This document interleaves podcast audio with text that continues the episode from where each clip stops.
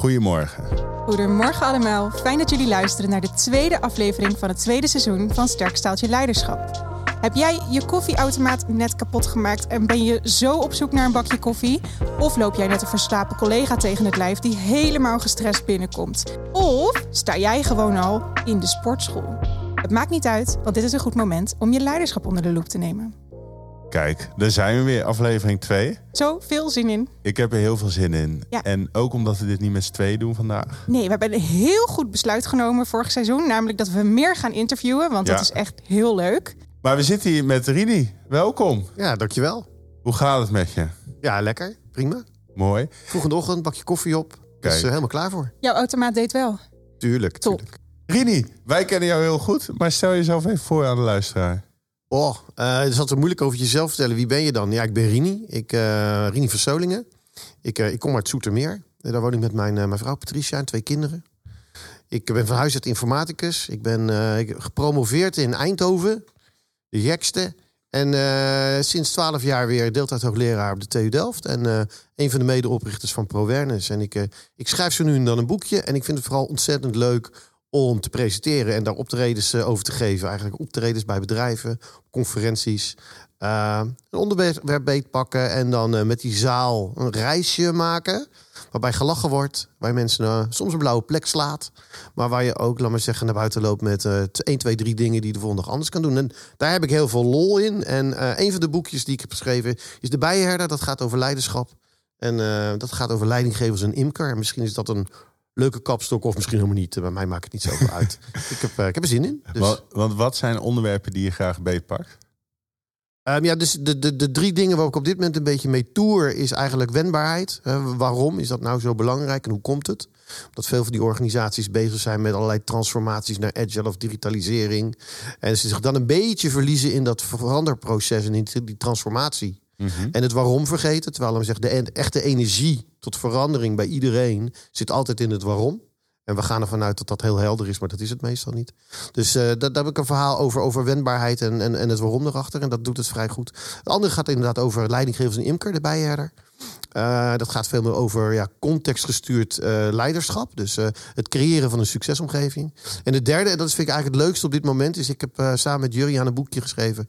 over lessen uit de Formule 1. Dat gaat over snelheid. Ja. En hoe kunnen we dat nou naar bedrijven brengen? Dan maken we eigenlijk dus de vertaalslag van lessen uit de Formule 1 en practices daar naar gewone organisaties, voor zover die bestaan. En het leuke aan dat die, die, die presentatie is, is dat je daar ook mooi Formule 1 filmpjes door kunt, eh, heen kunt mixen. Dus dat is altijd ontzettend leuk. Zie je de hele tijd, ik mag af en toe wat vertellen en zien we weer raceauto's en zo. Dus dat is ook ontzettend leuk om te En doen. doe je dan dat geluidje erbij? Nou ja, nee, daar heb ik iemand voor. Maar ik moet zeggen, kan ik nog een keer doen? En, en je zei eh, wendbaarheid, maar ook het waarom erachter. Wat, wat is voor jou het waarom erachter dat je, dat je dit doet? Ja, ik weet het niet. Dat is altijd als je een beetje naar jezelf kijkt van waar komt dat nou vandaan. Maar ik denk dat ik altijd vanaf dat ik heel klein ben altijd een soort clowntje ben geweest.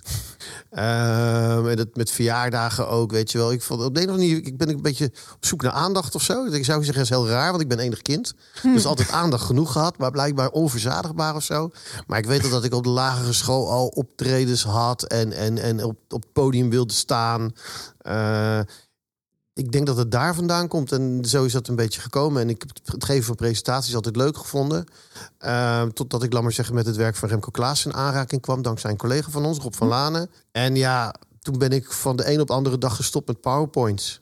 En ben ik met een flipchart eh, gaan presenteren. En ja, dat, sinds, dan maak je zo'n connectie met de mensen. En dan komt er zoveel energie uit de zaal. Dat ik daar, ik heb daar gewoon heel veel lol in. Weet het niet. Ik vind het leuk om mensen te laten lachen, om ze te vermaken. En ik vind het ook gewoon leuk om, om mensen af en toe een beetje het verkeerde been te zetten.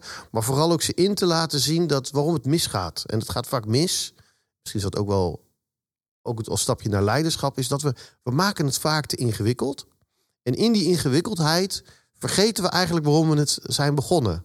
En dus dan is de eenvoud eigenlijk weg. En ik vind het leuk om het dan terug te brengen naar de eenvoud. En dat kan je vaak doen met, ja, parallellen of zo. En een, een, Ja. anek- een anekdote kan je doen. Of je kan Ja. het trekken naar het normale leven, naar thuis.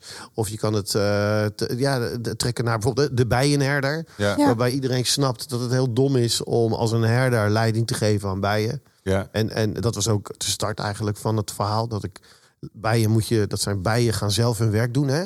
Die hoeven niet gemotiveerd te worden of zo. Die hoeven geen salaris te betalen. Dat is wat bijen doen. Eh, nectar verzamelen voor honing.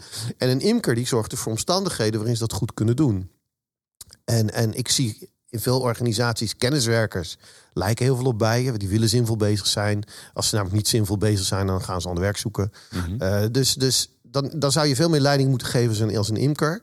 En ik zie ze vaak, laat maar zeggen, als een soort herder hun mensen aansturen en dwingen kanten op te gaan die ze niet willen. Of misschien ook wel op zouden willen, maar met een hele andere, andere energie het gaan doen. Ja. Omdat het moet in plaats van dat het mag. En de grap is, dan hebben we dat boekje geschreven met de titel Bijenherden, dat iedereen het wel snapt. En het mooie is dat ik nu regelmatig geïntroduceerd word bij zo'n bij zo'n lezing over, over leiding geven van zelforganisatie. En dan staat er dus een directeur en die zegt, nou, een bo- boekje. En dan hebben ze voor iedereen eentje gekocht. Dat is altijd heel goed voor de, voor de uitgever. En dan zegt hij, want we moeten met z'n allen veel meer gaan bijenherderen.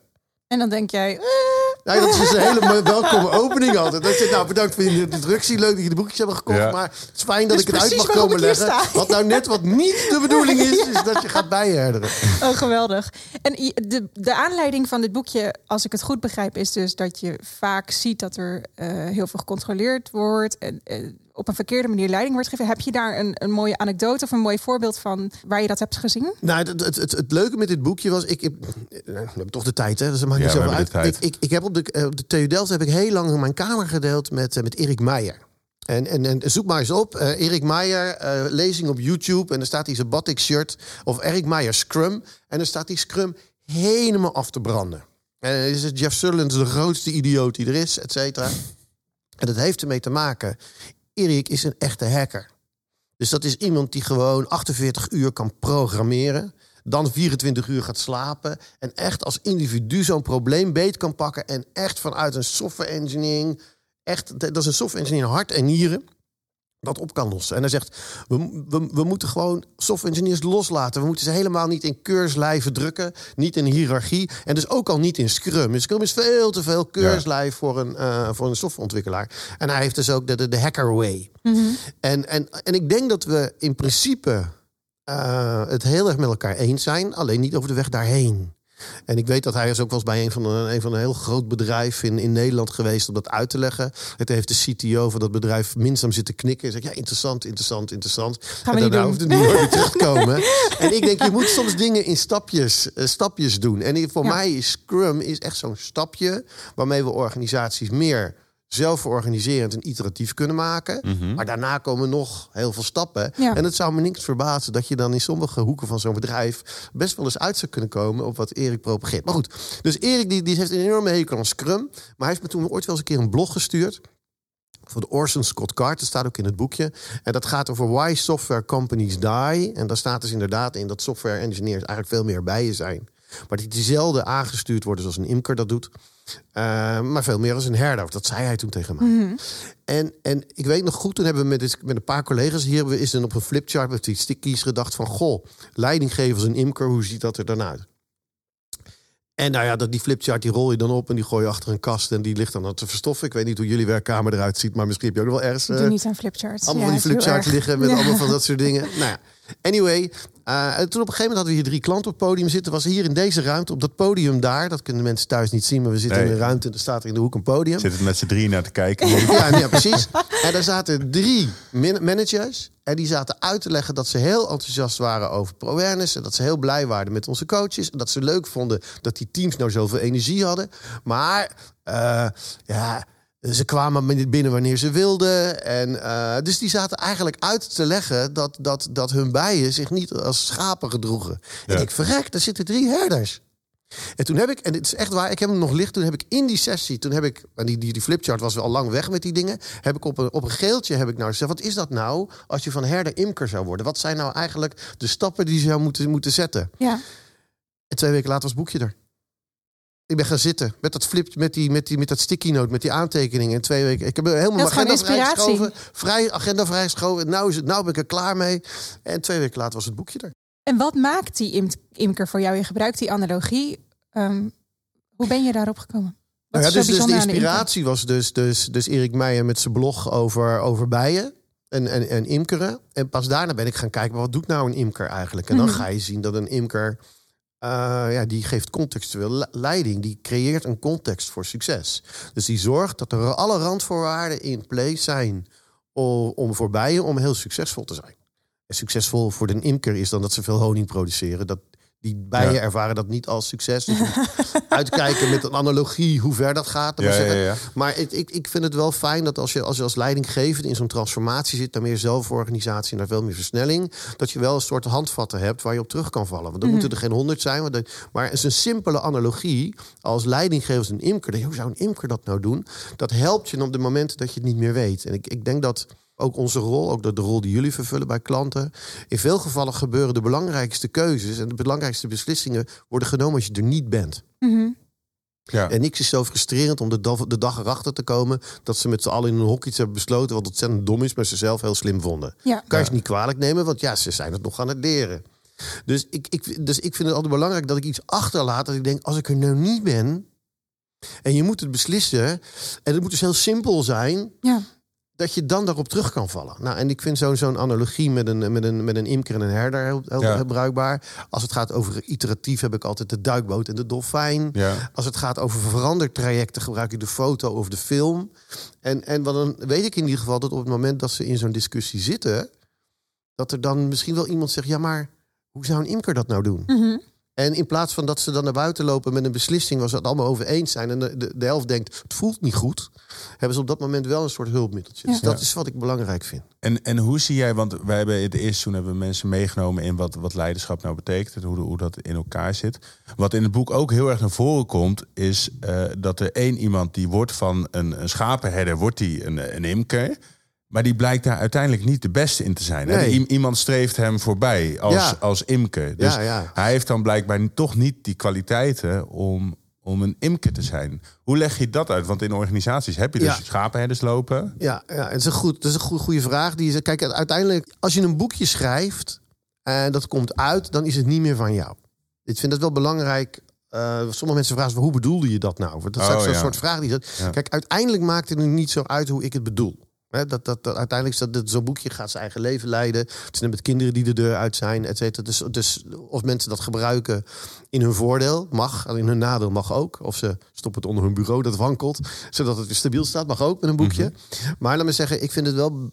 Wat ik het boekje doe, en dat is inderdaad de, de, juni, de, de assistent van de imker. Hè, dus een herder die maakt zichzelf imker, maar zijn assistent...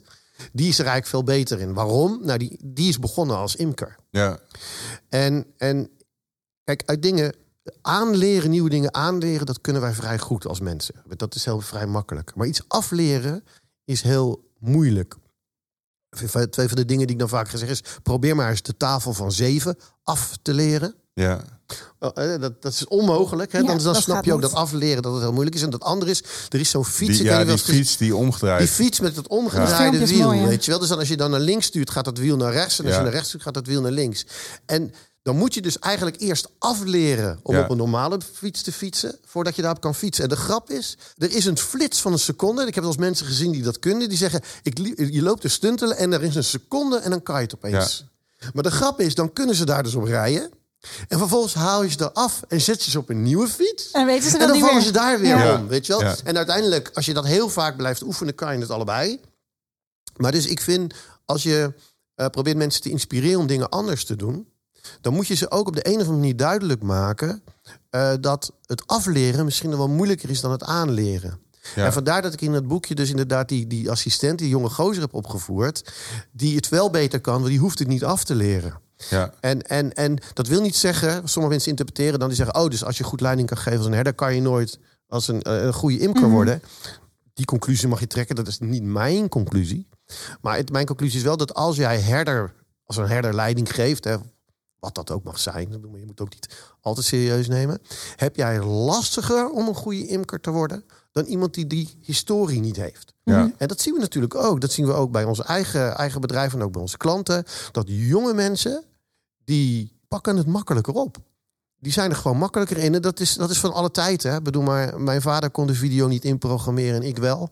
En als ik mijn telefoon er weer niet uitkom, ik geef aan mijn dochter, die doet een soort magisch roededoe op de, op de, op de toetsenbord. En dan doet het het opeens wel. Waarom? Nou, die hebben dus die historie niet. Ik, die heeft nooit een videorecorder hoeven programmeren. Dus die logica die daarin zat, die heeft zij niet. En is het ook niet het, het geloof dat je. Want die imker die gelooft in wat die bijen doen en hoe, hoe dat functioneert. Dus die kan ook die rol van die imker aannemen. Maar dat geloof in die mensen, ik, ik weet van mezelf dat ik op een gegeven moment op opdracht voelde ik me best wel comfortabel. En dan kwam ik soms een uur te laat in een meeting, omdat ik dan wist, dan gaan ze het zelf doen.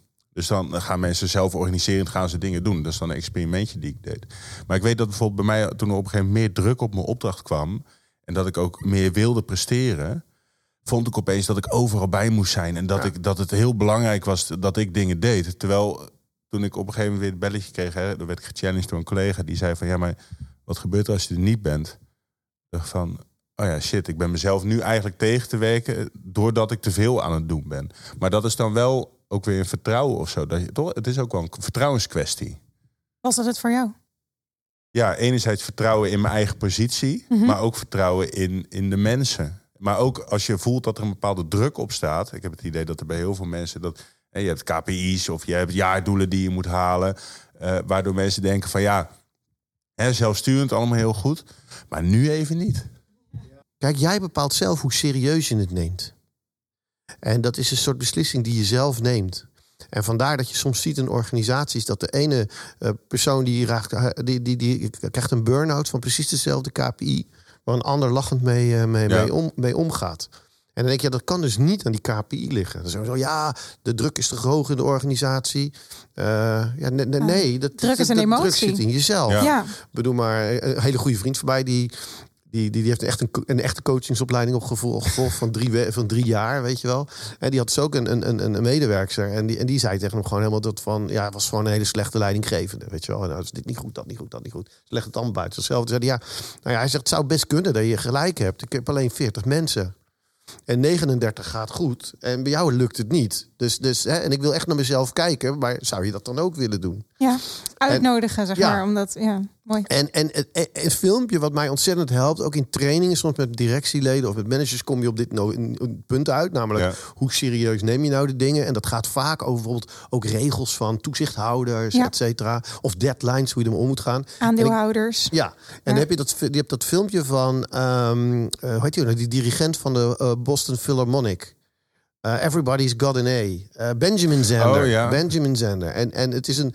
Ik heb hem echt al honderd keer gezien, maar er zit, er zit middenin zit de essentie van hem. En, en de essentie voor hemzelf is dat everything is invented. Het is allemaal maar een keertje bedacht. En, en als je dat relativeert ontzettend. Dus al die KPI's, Ja. die druk, eh, dat doel voor die transformatie, die deadline. Het is allemaal maar een keertje bedacht. Mhm. En een van de dingen die mijzelf dan vaak helpt, is dat het mij altijd opvalt op deadlines. Deadlines zijn altijd de eerste van de maand, de laatste van het kwartaal, 1 januari. Nou, als er iets dat zo'n deadline iets uitstraalt, is het, het is gewoon maar bedacht. Want het slaat nergens op. Waarom, zou nou, waarom is 30 april anders dan 1 mei? Dus dan weet je zeker, het is maar bedacht. Als je een deadline krijgt van 14 februari om tien over drie... dan zou ik wel even serieus kijken. Want dan zit er waarschijnlijk echt een reden achter. Waarschijnlijk Valentijnsdag. Nou ja, dat zou kunnen. Ja, dat zou kunnen. Een andere datum. Nee, maar als het echt een hele specifieke, rare datum en een tijdstip is, dan Ja. is het waarschijnlijk een echte deadline. En Ja, de rest, dat is altijd maar bedacht. Ja. En degene die zo'n deadline stelt, die denkt altijd bij zichzelf: ah, maar die eikels die gaan het toch niet halen. Dus er zitten nog drie maanden achter Ja. die, die er ook nog zijn. Extra. weet je wel. En in analogie van de imkerini en, en terugpakkend naar dat druk, hoe zou een imker dat in jouw perceptie dan aanpakken als dit soort dingen jouw context is? Want die kan je vaak niet altijd. Nou, Die krijg je cadeau. Nieuwe dingen bedenken. Uiteindelijk, als altijd alles maar bedacht is, kan jij zelf ook dingen bedenken. Mhm. Dus als, jij een, ehm, als jouw bedrijf zegt van ja, we willen iedere drie maanden opleveren. Nou, dan zou ik bede- bedenken, dan gaan we dus iedere twee weken opleveren. Toch? Want als het dan een keer mislukt, dat maakt niet uit. Want we hebben het- hebben het al we vijf nog vijf keer andere keren, Ja. weet je wel. Of ehm, als iemand tegen mij zegt van, eh, ik heb wel eens een training of zo'n oefening, ik zeg, nou, krijg een, een half uurtje de tijd om dit of dat te doen. Zeg, een half uur? Een half uur is veel te kort. Ik zeg, oh, nou prima, dan krijg je een kwartier. En dan zitten ze me vaak aan te kijken. Ik zeg, maar we hebben toch gezegd dat het kort is? Ja, ik zeg, dus een, een half uur ga je nog twijfelen om het perfect te maken.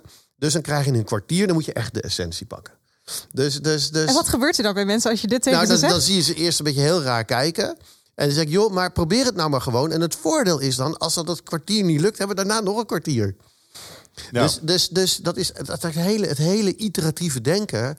Dat, dat is namelijk veel makkelijker van een ander te vragen van jezelf. En dat heeft te maken met opleiding, met scholing, eh, met opvoeding. Kom maar terug wanneer je klaar bent. Eh, eh, de presentatie is de eindpresentatie. Ja. Eh, het is het eindverslag, et cetera. Dat zit overal zit dat in. Dus het bij jezelf vinden is lastig. Bij mij ook. Ik bedoel, maar ik, ik stuur ook nooit mijn manuscript naar een, naar, een, naar een redacteur toe en zeg: Ja, ik ben er helemaal niet tevreden.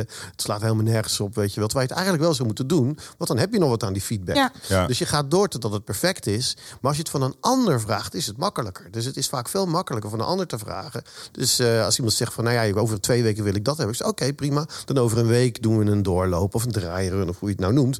En dan, en dat kan best, dat kan prima. Ja. Alleen het van een ander vragen is makkelijker. Daarom is het toch als coach of als leidinggevende in dit soort verandertrekten ook zo krachtig. Omdat je, laat maar zeggen, de ander mag helpen in het doen. En doordat je het veel meer observeert, kan je precies de tegenbeweging maken. Dat is vaak wel een van die dingen. Nou ja, nu, nu je dat zegt, hè, want, want eh, dat is een mooi advies hè, op, de vraag van wat, wat, wat doet druk. Ehm, en ik herken ook, want wat ik vaak heb gedaan was van, dat ik vroeg, oké, eh, wat is nou het ergste dat er kan gebeuren? Oké, en hoe erg kunnen we de mist ingaan hè, van als we over twee weken moeten bijsturen? Dus iteratief denken voor, voor onze luisteraars die niet allemaal etalisten zijn, is dat je dus kort cyclisch iets oplevert, waardoor je weet wat goed is, maar ook weet wat niet goed is. Nou, maar je je doet aanpassen. hetzelfde. Je zegt, wat kan er nou gebeuren als? Of wat is nou het ergste wat er kan gebeuren? Met andere woorden, dat is ook relativeren. Ja, zo klinkt het. Het klinkt als Het is relativeren met een vraag. relativeren. En eigenlijk Ja. relativeren. Maar joh, het is ook maar een keer bedacht. Je zegt niet letterlijk, het is maar bedacht. Maar eh, weet je, uiteindelijk... Kijk, het werk wat wij doen, we hebben allemaal te eten. We hebben allemaal te drinken. We zijn relatief gezond. Het is redelijk warm. Eh, dus, dus de primaire levensbehoeften, zeker hè, in, in, in, in waar wij ons doorgaans bevinden, zijn prima in orde. Dus alles wat we daarbovenop voeren als belangrijk, druk, cruciaal, waar je. Ja. Ja, weet je, neem het even. eh, Het is maar bedacht. Neem jezelf niet zo serieus. Mhm. En dat zit trouwens ook in het einde van Benjamin Zender van dat filmpje. Eh, rule number six. Ja, never rule forget six. about rule number Don't- six. Precies, never forget. Don't take, don't take yourself so goddamn serious. En wat are the other five rules? There ain't any. Ja. En dat is de essentie. Nee, maar, weet je wel, en, en dat wil niet zeggen dat je je werk niet goed moet doen. Hè. Er zit een verschil tussen je werk goed doen, hè, dingen voorbereiden en, en beter proberen te worden en je de technieken eigen maken en beter willen schrijven, beter willen spreken. Tuurlijk is dat belangrijk. Hé, maar neem het niet serieus. Ik bedoel, maar als het is mislukt, ben jij geen slecht mens. Of, of, of als je iets nog niet kan, ben je niet... eh, dat, dat stemmetje zegt, je kan het niet, je bent een sukkel. Dat klopt niet. Je bent gewoon een fantastisch mens. Hè? Je bent alleen, je moet jezelf nog een beetje ontwikkelen. Of je Ja. moet nog dingen ontdekken. Maar Het klinkt simpel, Rini. ja, dat is het ook. Alleen je moet stoppen met luisteren naar dat stemmetje. Hoe doen we dat? Nou, nou dus, dus, het- ik heb, laten we doen. Het woord ontdekken en het woord ontwikkelen. Ja. Neem ons mee. Wat zegt dat nou? Wat is nou ontwikkelen en wat is nou ontdekken? Bedoel je dan de etymolo Nou, als dat is je ontwikkelt, hè, dus als je een, een, chocolaatje hebt gekocht, zeg maar, dan, Precies. dan haal je dingen eraf Hou je de tot, wikkel tot de eraf. kern te Als je een mummie hebt, dan haal je de wikkel eraf. Dus met andere woorden, ontwikkelen wat wij doen met mensen. Dan zeg je van, nou, of mensen zich ontwikkelen. Je bent al geweldig. Maar je haalt bent alleen in de rest eraf. van je leven, toen je klein was, hebben we je helemaal ingewikkeld met allemaal dingen die je niet mocht.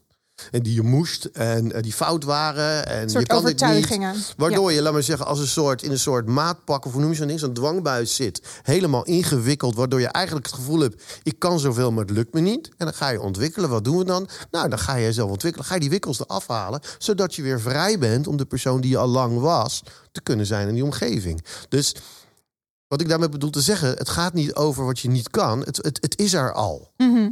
Dus, dus je hoeft je daar niet onzeker over te voelen. Je moet alleen naar dat stemmetje luisteren. Want dat stemmetje, je kan het niet, dat is onzin. Weet je wel, dat, is, dat doe je jezelf aan. Maar dat is helemaal niet nodig. Daar hoef je helemaal niet naar te luisteren. En ontdek, on, ont, eh, ehm, ontdekken is hetzelfde.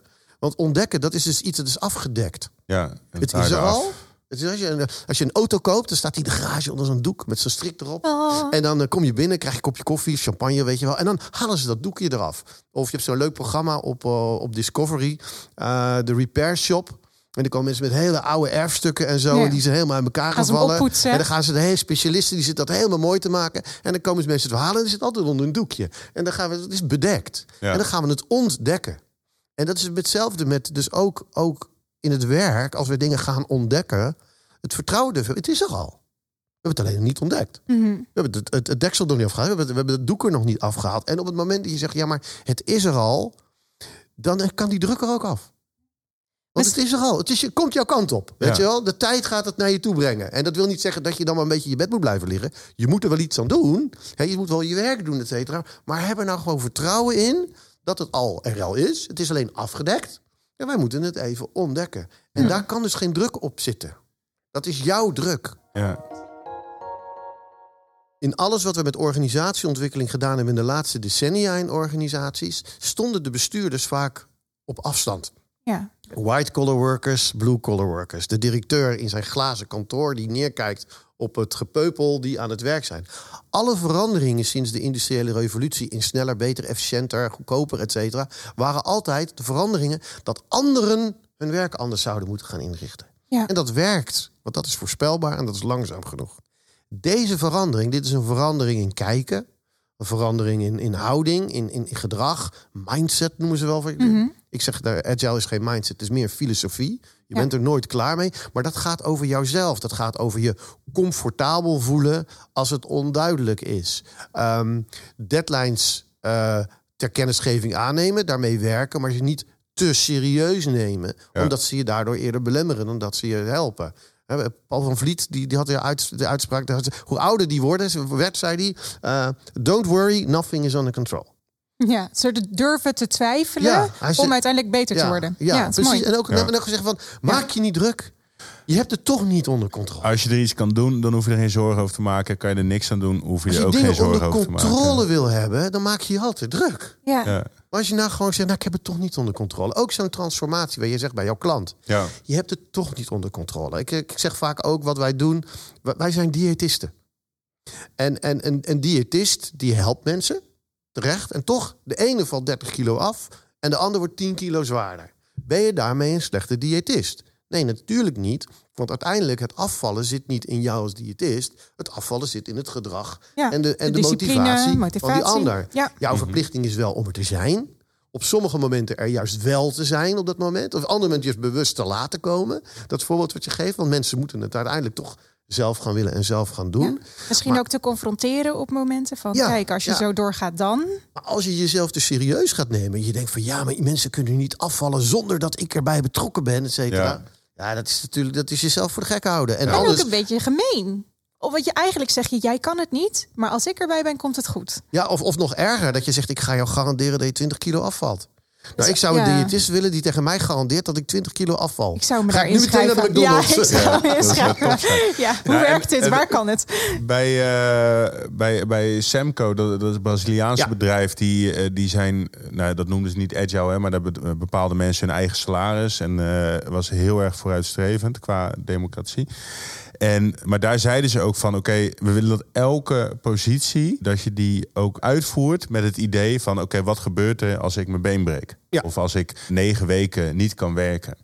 Eh, En dan gaat het veel meer over kennisdeling en transparantie en met elkaar samen dingen doen. Maar dus ook jezelf niet te belangrijk maken in een positie, omdat het gaat toch wel door als je er niet bij bent. Dus zorg Ja. maar hè, dat, dat je kennis gedeeld hebt met elkaar, waardoor het continueert. En dat maakt misschien meteen ook dat snijvlak zo moeilijk vanuit een bepaalde leiderschapsrol. Want ik kan me voorstellen dat als je dat echt belangrijk vindt en je gemotiveerd bent om te doen, een soort drang in zit om iets toe te ja, voegen. ja. En aan de andere kant moet je jezelf niet te serieus nemen. Dus waar vinden we de balans? Nou ja, goed, ik, heb, ik zeg altijd zo, als, als, als- je eh, meer naar zelforganisatie wil... en dat is nodig in een, in een snelle veranderlijke wereld... eh, dat betekent dat je als leidinggevende jezelf in het primaire proces... net als een imker, volledig overbodig moet maken. En jezelf volledig overbodig maken, dat is een fulltime baan. Oké, Rini, Dan ben je neem nooit, ons mee. Daar ben je nooit klaar mee. Weet je wel? Dan ben je nooit klaar mee jezelf overbodig maken. Want dan is er weer een ander team die, weet je wel. Dus uiteindelijk alleen de vraag is: hoe zit je er nou in? Kom je nou om te zorgen dat je zo belangrijk bent dat ze niet zonder je kunnen? Of ben je er nou voor om te zorgen dat ze juist wel zonder jou kunnen? Ja. En op dag 1 misschien nog niet zo heel erg, maar op dag 10 of op dag 30 eh, wel. En ik denk dat daar de- die analogie naar die imker ook eh, goed te vinden is. Want bijen hebben een imker niet nodig. Nee, die kunnen prima honing maken zonder. Ja, ja. Ja. sterker nog, bedoel, maar dat is, dat zou- Toen voor het boekje heb ik ook een imker er eens door laten lezen. Ik denk, nou ja, straks staat er volstrekt onzin in. Want ik ben natuurlijk helemaal geen imker. Dadelijk, dadelijk En- en daar wil ik ook wel en dingen- ook een herde. En dadelijk zegt hij dat Precies. hij alleen Nou, schapen nou, er zitten ook nog wel wat en, dingen eh, in die wat- eet. Wel wat dingen in waar ik denk van... oeh, dat is in de praktijk toch inmiddels anders. Hè? Ik heb het ook wel het imkervak ook al een beetje ge- geromantiseerd. Is dat... ehm, maar dus dat een imker, die, als, als hij een, een- zo'n volk een veel te grote kast geeft... dan gaat dat volk gewoon zijn nest ergens anders maken. Of, of, of een vriend van mij die wilde... die zat erover te denken om het bijen te houden. Maar dat is een klusser. Die denkt, ik wil een bijenkast maken. Dus die is naar een imker gegaan en zegt... heb je niet een oude kast die verrot is of zo? Dat ik dus voorbeeld kan... Hè, heeft hij die meegekregen. En die, eh, die denkt, dan ga ik zelf zo'n bijenkast maken. Maar toen had hij zijn garagedeur drie dagen open laten staan. Oh, die zat helemaal vol. En toen was Oh, hij dus wat imker. erg. Toen was die imker. Want de bijen kiezen de imker. Hè? Het is niet andersom. Dus je moet jezelf niet te serieus nemen. De- Misschien is dat wel de, de, de, rode, De rode draad, draad, door, de ja. rode draad door dit gesprek. Jezelf niet zo niet te serieus nemen. Want hoe serieuzer je jezelf neemt... hoe meer je de boel in de, eerder in de weg zit. Ja. En, en, en een bij, een imker, die kijkt echt naar die omstandigheden. En die probeert te zorgen dat hij zijn bijen zo goed mogelijk faciliteert. Maar die realiseert zich dat ze hem niet nodig hebben. Ja, en ik zit, ik zit nog wel te denken, van, want dat is ook als je een voorbeeldrol wil nemen, dan neem je jezelf dus serieus. Dus dan zet jij jezelf neer als voorbeeld en niet als onderdeel. Ja. eh, en dan ben je niet als Ja. Michiel onderdeel van een Nou ja, team goeie. of iets. Ja. Het is veel meer dienstbaar eigenlijk. Nou, ik heb ooit een keer een, een, een managementtraining mogen geven, twee dagen. En dan ging het dus ook hierover. En een onderdeel is dan de bijenherder, et cetera. En toen kwam, laat maar zeggen, bij de, bij de lunch... zat er een manager naast me en zei... joh, Rini, dat is allemaal leuk en aardig. Ik snap dat allemaal, weet je wel. Maar god, hè, bij andere bedrijven is dat natuurlijk zo, weet je wel. En dat klinkt allemaal leuk, eh, leuk. Maar hè, ik zal jou eens schetsen. Ik zal je schetsen wat voor mensen er bij ons werken. Ik zei, nou oké, nou vertel maar. Ze zei, nou, ik had laatst had ik dus gewoon een beoordelingsgesprek met, met iemand. En toen vroeg ik aan hem. Hij zegt, wat vind jij nou het allerleukste om bij ons te werken? En ik zei, nou, eh, zei, weet je wat hij toen zei? Ik zei, nee, dat weet ik niet. Weet je wel? Hij zei, nou, het is 15 minuten fietsen van mijn huis. Dus hij zegt, dat werkt bij ons. Weet je wel? Dus dan kan je het hebben over inspiratie en waarde willen leveren, et cetera. Maar als ik aan iemand vraag, wat, wat, wat, wat, wat vind je het leukste in je werk? Dan krijg ik 15 minuten fietsen van huis. Ik zeg, maar, maar dit is toch precies waar we het over hebben? Ik zeg, die persoon, die had ook kunnen zeggen... wij hebben fantastische klanten. Of ik werk hier altijd met nieuwe technologie. Of ik krijg hier de kans om mezelf te ontwikkelen. Of eh, wij doen dingen die we nog nooit eerder hebben gedaan. Wij zijn de wereld aan het veranderen, een beetje beter. Ik zeg, dat waren allemaal antwoorden die je had kunnen krijgen. Maar in de context die jij voor die persoon geschapen hebt... waren Ja. dat dus blijkbaar geen opties. En het enige wat voor hem overbleef Was de reisafstand. was 15 minuten van het fietsen van zijn werk. Ik zeg dus, in plaats van dat jij dat nou projecteert op die persoon... heb er nou gewoon vertrouwen in dat die persoon dat ook allemaal wil. Ik zeg, maar blijkbaar ben je niet ingelukt om, om een context voor te creëren... waarin je dat soort antwoorden krijgt. En het laatste wat ik toen tegen hem zeg, ik zeg... heb je alles gevraagd naar die meneer, wat was een meneer, zijn hobby's? Ik zeg, nee, ik zeg, doe het maar eens. Want ik heb in de afgelopen jaren geleerd dat bij iedereen wat mensen tegen mij zeggen... die persoon die kan het niet. Als je gaat vragen naar de hobby's, zijn ze altijd iets waarvan je bek open valt. Ja. Ze zijn voorzitter van de grootste voetbalvereniging Ja. van de regio. Ja. Ze zijn internationaal voorzitter van de ronde tafel. Waarom? Ze hebben ook die behoefte om waardevol te zijn. Maar het lukt ze niet op hun werk. Dus dan gaan ze het ergens anders doen. Ja. En dan zijn ze opeens blij dat het 15 minuten fietsen van hun werk is. Maar dat zit niet in die mensen, dat zit in die context. Ja. Dus dat vind ik vaak het hoopgevende. Maar misschien ben ik ook een beetje een positivo. Dat ik denk, je kunt altijd die omgeving aanpassen. We hebben het echt heerlijk simpel met elkaar gemaakt. Zou het nog simpeler kunnen? ja, ik zou misschien die voorbeeldrol nog wel even wat simpeler willen maken. Zullen wij Liv bellen? Hallo, met Liv. Liv, we weten het echt niet meer. Kun jij ons helpen met het beantwoorden van deze vraag? Oké, dan neem ik de leiding. Wat ik voor je heb, Liv. Wat is nou de balans? Waar stopt het voor een leider? Waar begint het voor een leider in het geven van richting en in het stellen van doelen? Nou, eh, het is heel belangrijk om wel doelen te stellen waar iedereen ook, zeg maar, naar kan leven. Dus niet, eh, we gaan nu het hele gebouw oranje verven. Want dat is misschien wel jouw doel. Maar misschien kunnen mensen wel helemaal niet verven. Dus je moet er wel goed op letten dat iedereen zijn aandeel erin kan brengen. Maar ook iedereen het ook wil. Zijn aandeel in wil brengen. Ehm, en dan heb je soms natuurlijk mensen die er geen zin in hebben. Ehm, maar die moet, die, die, die moet je dan niet benoemen als die hebben er geen zin in, maar die willen misschien niet. Waarom willen ze niet? Vragen waarom ze niet willen. Ik heb een hekel aan oranje. Waarom heb je een hekel aan oranje? Dat je misschien een beetje naar een oplossing zoekt. Bijvoorbeeld als ik met mijn zusje wil gaan spelen. Waarom wil je niet met de Lego? Ik vind de Lego niet leuk. Waarom vind je de Lego niet leuk? Nou, omdat we altijd met de Lego gaan. Nou, dan kunnen we ook iets anders doen. Maar dat je een beetje wat dieper ingaat waarom diegene dat dan niet wil. Ehm, en dan kun je vanzelf met z'n allen aan het doel werken. Dat is heel mooi. En zie jij dan ook een bepaalde rol voor de leider daarin? Wat moet de Ehm, leider daarin doen? Nou, de leider moet niet een beetje dictatorachtig gaan doen van jullie gaan nu allemaal het gebouw oranje verven. En ik ga kijken hoe jullie het doen. Maar eh, dat je bijvoorbeeld ook zelf ehm, bijvoorbeeld zegt van goed zo, dat vind ik een eh, goede verfstrijk of zo, weet ik veel. Eh, maar dat je complimenten geeft, maar dat je het ook een beetje zelf aandeel in hebt. Dus dat je ook misschien zelf de eh, details gaat verven. Dus je bent dat vergeten. Maar ik zie dat je dat vergeten bent. Ik maak het wel af. Dan kun jij door met wat jij nu aan het doen bent. Dus dat je helpt, Ja. complimentjes geeft. Ehm, maar dat je ook een beetje oplet dat er iedereen zich op zijn gemak voelt. Dus daarna is het iemand verven, maar die eh, is, kijkt heel verdrietig. Waarom kijk je verdrietig? Dus eh, wat, ook wat ik eerder zei, probeer een beetje rekening te houden wat er allemaal om je heen gebeurt. Hier kunnen wij zeker mee verder, Liv. Dankjewel. Zo, Rini, dat was Liv. Ja, top, top. Eh, Heeft Liv al, Liv al een baan? Want ik vond zo kan zo Ze directeur heeft al getekend bij ProEarnest, ja. Nou, wat, wat je wel heel erg gehoord bij haar. Kijk, Liv heeft nooit eh cursussen eh, weerstand eh, management gehad. Eh, zij heeft nooit geleerd hoe krijg ik ze zover of zo. Dus zij zit niet in de trigger van, oh, dit zal wel weerstand zijn. En dan moeten we dit of zo. Zo, nou, nee, als mensen het niet willen, ja, dan zullen ze er wel geen zin in hebben. Ja, misschien is het veel interessanter om te vragen waarom je er dan geen zin in hebt. Weet je wel, misschien, misschien is er iets anders wat je wel leuk vindt. En ik denk precies dat dat het ook is. Dat je niet oordeelt. Wat is een oordeelloze manier om naar van kijken. hè? Ze zegt niet je bent stom. Of eh, je, niet met mij je bent raar, of je verstoot weerstand, of je bent recalcitrant, of je bent een slechte medewerker. Nee, ze is oordeelloos. Oh, iemand heeft er geen zin. Goh, waarom dan niet? En dan Ja. in de vraag van, kan ik iets veranderen? Is er misschien ander werk? En ik vind ook hè, het, het meedoen. Ik denk dat dat ook super belangrijk is, zoals zij het verwoordt. Oranje verven, mooie, mooie, mooie analogie. Ehm, is dat ze, ja, mijn lievelingskleur is oranje, dus vandaar dat ze lift kan niet meer kapot.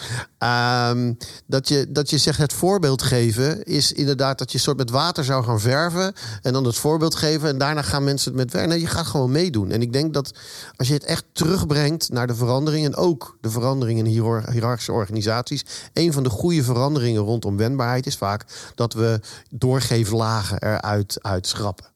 En, en dat management of managen gewoon weer werk wordt. Ja. En werk dat iedereen kan doen. Hè? Dat net als leiderschap, we hebben het er eigenlijk niet over gehad. Maar iedereen is op een manier en een moment in een bepaalde situatie leider. En in sommige gevallen niet. En als je die leidende rol hebt, dat je je dan beseft wat, wat daarbij hoort. Hoe je dat succesvol kunt doen. Hè? Meedoen. Maar ook, laten we zeggen, welke fouten erbij liggen. Welke verantwoordelijkheden daarbij, eh, daarbij, daarbij komen. En, en dus ik vind het belangrijk als je zegt dan manage of leiding geven is gewoon weer werk. Dan is de vraag, wat is dan het andere werk wat je doet? Nou, in het voorbeeld is dat natuurlijk gewoon meeverven. Ja. Maar of je nou in een, in, een, in, een, in, een, in een bakkerszaak staat, of in een hele grote dure bank, of bij een eh, verzekeraar of een oliemaatschappij, et cetera. Ook daar is de neiging vaak in, de, in, de, in het verleden geweest dat hoe hoger je kwam in de hiërarchie, hoe minder je het werk nog zelf moest doen. Ja. En voor je het weet heb je dan heel veel verstand, denk je, over het werk dat je twintig jaar geleden hebt gedaan. maar die wereld is veranderd, dus dat lijkt er niet meer op. En dus ik vind het belangrijk in een omgeving die zo snel verandert als wij nu in zitten in de maatschappij, dat je contact houdt met het echte werk. En er is natuurlijk geen betere manier dan door, door dat gewoon te doen. Ja. Te ervaren hoe het is. Ja, Eh, ja, en en dan kom je, je- raakt in gesprek, denk ik ook, met de mensen die het daadwerkelijk doen. Waar lopen zij tegenaan? Precies. En het woord gilde heeft niet voor niks dan weer een intree gedaan in, in het vak wat wij voeren. Want een gilde Ja. gaat juist over die meester-gezel relatie. En die gaat erom dat, laat maar zeggen, je samen bezig bent met iets te creëren. En vandaar dat je ook iedere keer die mensen zegt, ja, is er nou weer een Rembrandt ontdekt? Hoe kan dat nou, weet je wel? Nou ja, dat kan A, omdat natuurlijk de industrie er eh, behoefte aan heeft dat er meer Rembrandts worden ontdekt. Ja. Maar dat ook de definitie van wat een Rembrandt is, is opgerekt. Omdat ze er toch wel achter zijn gekomen dat die Rembrandt maar heel weinig schilderijen helemaal zelf heeft geschilderd. Dat gebeurde met, met, met studenten. Weet je wel, in sommige gevallen stond zijn handtekeningen eronder. En had hij niet zo gek heel veel gedaan. En, en, en, en dat ja, en, en in het begin mocht je de randjes wat bijkleuren, et cetera. En hoe verder je kwam, weet je wel, hoe meer die voordeed of zelf doen, Ja. chourerie, et cetera.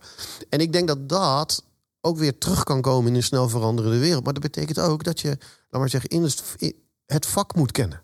Je kunt geen leiding geven aan slagerij als je niet ook af en toe achter het hakblok staat. En als je tien slagerijen leidt, dat is prima. Hè, dan kan je echt wel vier dagen in de week eh, bezig zijn met HR, mensen aannemen, et cetera. Maar in die ene winkel waar of de belangrijkste omzet of klanten staan, of in die ene winkel waar het probleem het grootst is, of waar de behoefte het grootst is, sta je op zaterdag Ja. gewoon achter het hakblok. Eh, Ik, ik gebruik vaak in mijn lezingen een voorbeeld van een vriend van mij die bedrijfsleider is in de supermarkt. Ik zal zijn naam nu niet noemen, dat doen we dan eens een keer bij, bij, bij, een, eh, bij, bij, een, bij een lezing. Maar die werkt dus ook altijd op zaterdag. En niet omdat hij altijd op zaterdag moet werken. Hij kan natuurlijk makkelijk zeggen van op zaterdag blijf ik thuis. Hij, hij maakt de roosters of hij laat de roosters maken in zijn geval, et cetera. Maar hij is simpel. Hij zegt heel simpel. Op vrijdagavond en op zaterdag haal ik 40% van mijn omzet uit mijn winkel. Dan moet ik er gewoon zijn. Ja. En ik denk dat dat het ook is. En dan, ook dan helpt hij met vakken vullen of achter die, achter die liever niet natuurlijk. Want hij, Ja. hij heeft liever dat de mensen het zelf kunnen. Hij is wat dat betreft een hele goede imker. Mhm. Maar hij is wel zich heel erg bewust van het feit... op de belangrijkste momenten moet je er zijn. En je moet de feeling met het vak houden. Ja. En dan is dat in een supermarkt misschien makkelijker... dan in het werk wat wij doen. Of wat we vaak in, in, in administratieve of, of kennisintensieve organisaties doen. Maar uiteindelijk het meeverven...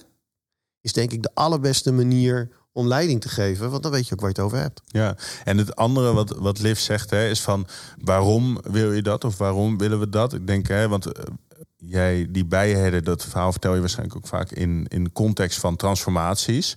Dus dan, gaat, dan, dan is de waarom denk ik ook heel belangrijk. Ja, kijk, uiteindelijk in het waarom zit altijd de energie tot verandering. Weet je wel? Het, en, en, en het gevaar is natuurlijk dat je in, in, in je enthousiasme dat op een gegeven moment kwijtraakt. Hè. Dat zien we natuurlijk ook bij, bij, bij onze opdrachten. Dat vanuit de behoefte om het bedrijf te laten overleven, eh, eh, overleven klanten beter te bedienen, op een snelle manier meer impact te maken, dan gaan we agile invoeren. Eh, en dan gaan we mensen, en dat is prima, want we hebben zelf organiserende teams. En er hoort een manier van leiding bij. En er horen trainingen bij. En dan hebben we ritmiek die we mensen leren, et cetera. Maar voor je het weet, in de loop der tijd, wordt het invoeren van agile het doel. En ik ben wel eens bij mensen geweest, ik een organisatie, ja, wij zijn de meest agile bank ter wereld.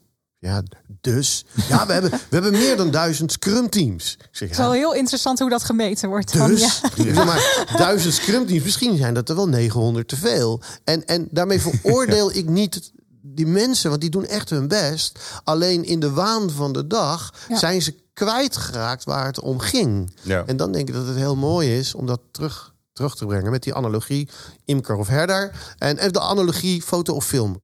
Je hebt in verandertrajecten vaak discussies over de foto, over de plaat. Ik zeg, ja, we moeten hier nog wat fijn slijpen en daar wat fijn slijpen. En fotoverbeteringen, laat dat alsjeblieft over aan je teams en aan je mensen. Mhm. Transformaties gaan niet om een foto.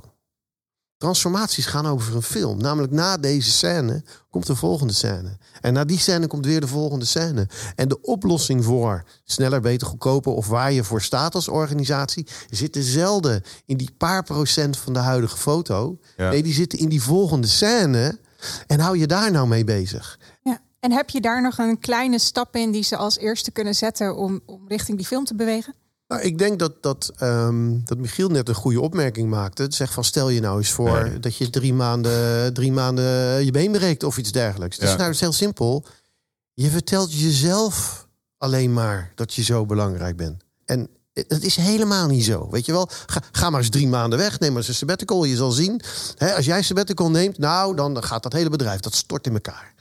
De, de beurskoers gaat naar beneden. Na die drie maanden kom je terug. En dan is nou ja, misschien kan je het nog net behoeden van het faillissement. Maar door jouw afwezigheid is het natuurlijk onzin. Onzin. Dat zijn allemaal onzinverhalen die je jezelf eh, vertelt. En de, de- de- een moment om je dat te realiseren. Ik bedoel, met een tip van mij. Ik bedoel, ik word al wat ouder. Dus dan eh, komt het wat vaker langs. Ga eens een paar keer naar een receptie van iemand die met pensioen gaat. Mhm. Dat heeft iets mistroostigs. Ik ga er niet meer heen. Want daar staat iemand in het centrum van de aandacht. Waarvan iedereen het over eens is: jou hebben we niet meer nodig. Ja, maar dat is namelijk zo, want maandag ben je er niet meer, weet je wel. En, en, en je merkt dan ook dat die, die We hebben geaccepteerd dat jij totaal overbodig bent. Ja, ja. En sterker nog, op die ook. receptie heb jij het nog niet door, maar wij wel. En, en, en dan krijg je wat cadeautjes en je krijgt een horloge en een toespraak van de baas die denkt van ja, ik doe het niet voor jou, maar ik doe dit om de rest te motiveren, weet je wel. Ja. En du moment dat dat voorbij is en iedereen gaat die borrels en gaan een drankje drinken en die collega's gaan elkaar staan praten, dan hebben ze het al over werk waar jij niet meer bij hoort. het is een soort, je bent op je eigen begrafenis. Je bent, je, je bent erbij. Dus de, eh, rule number six, don't take yourself so goddamn serious. Dat Ja. geldt gewoon echt in alles. Dus als je zegt, wat is de belangrijkste tip? Nou ja, ga eens naar wat recepties of et cetera. Of neem een sabbatical. Of eh, begin met de dag gewoon iedere ochtend in de spiegel te kijken. En dat je zelf zegt, joh, je gaat vandaag onwijs je best doen. En je gaat mensen zo goed mogelijk helpen. Helemaal geweldig. Maar één ding weet je wel. Belangrijk ben je niet. Ik, ik vind dit een prachtige noot. Ja, hey, dankjewel. Ja, en eh, voor alle luisteraars in SP, wij zien jullie natuurlijk gewoon volgende week weer terug. Dus onwijs bedankt voor het luisteren naar deze aflevering. En eh, tot volgende week. Tot de volgende keer.